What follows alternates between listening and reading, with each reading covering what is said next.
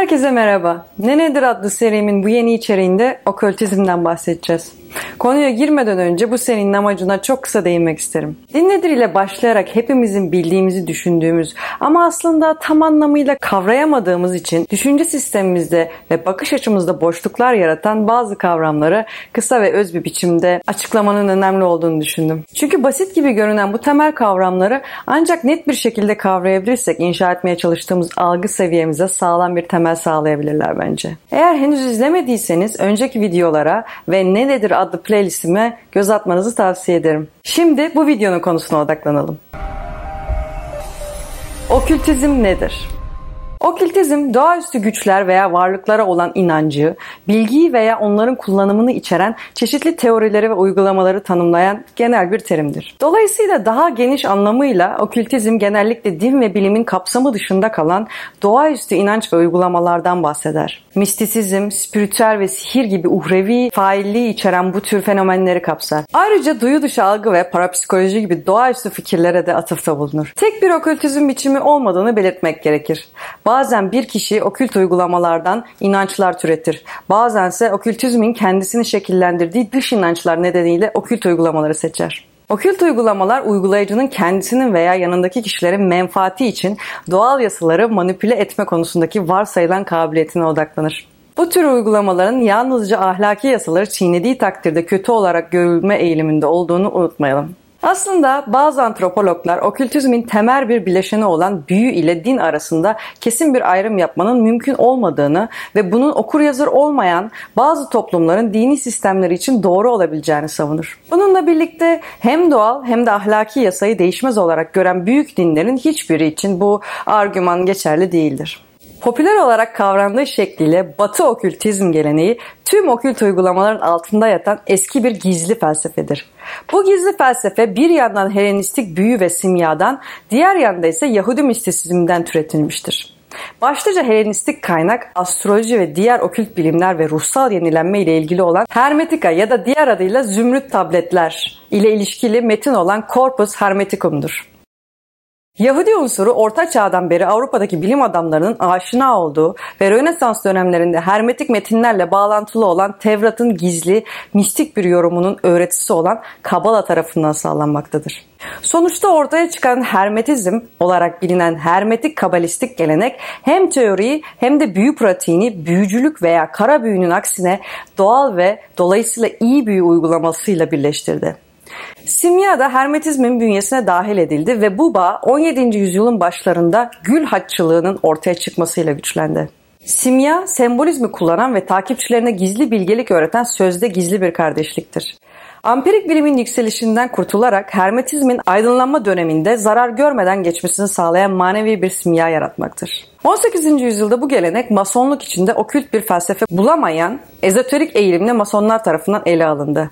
Bu meraklılar hem hermetizmin bireysel öğrencileri olarak hem de kıta Avrupa'sında okült uygulayıcı grupları olarak dini şüpheciliğin büyümesinin eğitimliler tarafından Ortodoks dinin artan bir şekilde reddedilmesine ve bunun sonucunda okültizm dahil başka yollarla kurtuluş arayışına yol açtığı 19. yüzyıla kadar devam etti. Ancak ilgililer hermetik gelenekten ziyade yeni okültizm biçimlerine yöneldiler. Teosofi bir yandan okült gelenek ile diğer yandan doğu mistisizminin bir karışımı olan ezoterik bilgilerden yararlanan felsefi bir sistemdir ve kültürümüzün en etkili yayıcısı olduğu kanıtlanmıştır. Ancak etkisi son 50 yılda önemli ölçüde azalmıştır. Okült öğretilere ilham veren ve onları yayan Alistair Crowley, dünyanın en güçlü insanı ve reenkarnı bir sihirbaz olduğuna inanıyordu.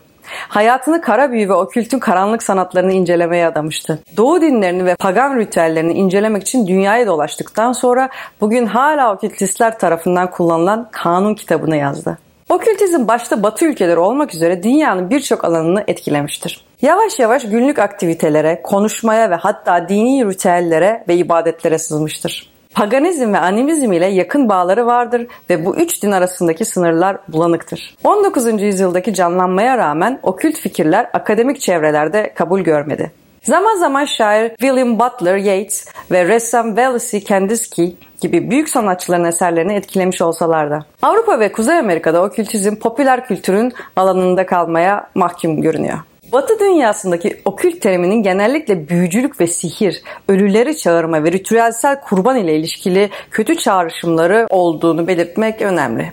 Bununla birlikte bazı doğu kültürlerinde din ve okültizm sıklıkla ahlaki açıdan tarafsız bir biçimde harmanlanır.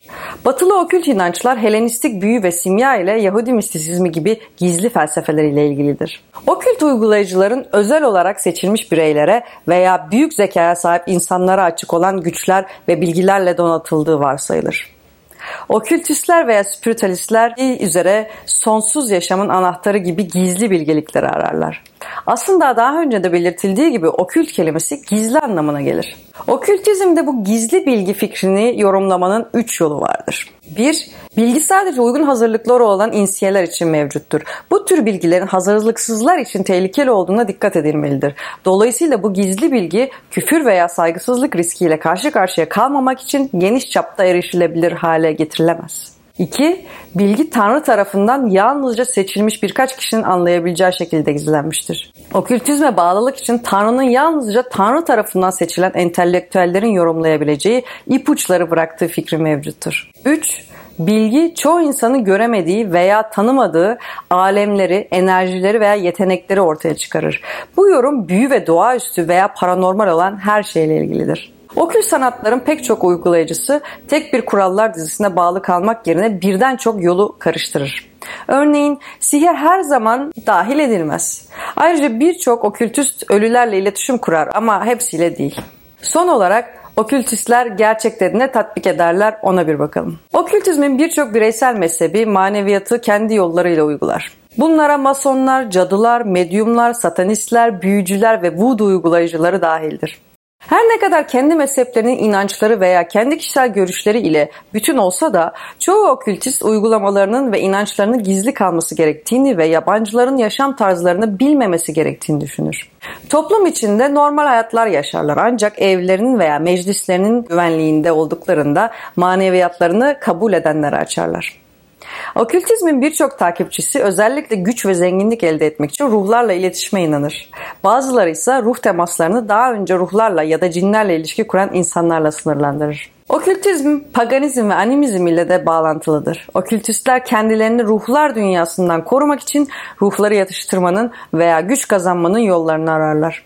Hem paganizm hem de okültizm antik animizm modern batılılaşmış versiyonlarıdır. Umarım bu içeriğin bakış açınıza bir katkısı olmuştur. Kanalıma abone olursanız beni mutlu edersiniz. İzlediğiniz için teşekkürler.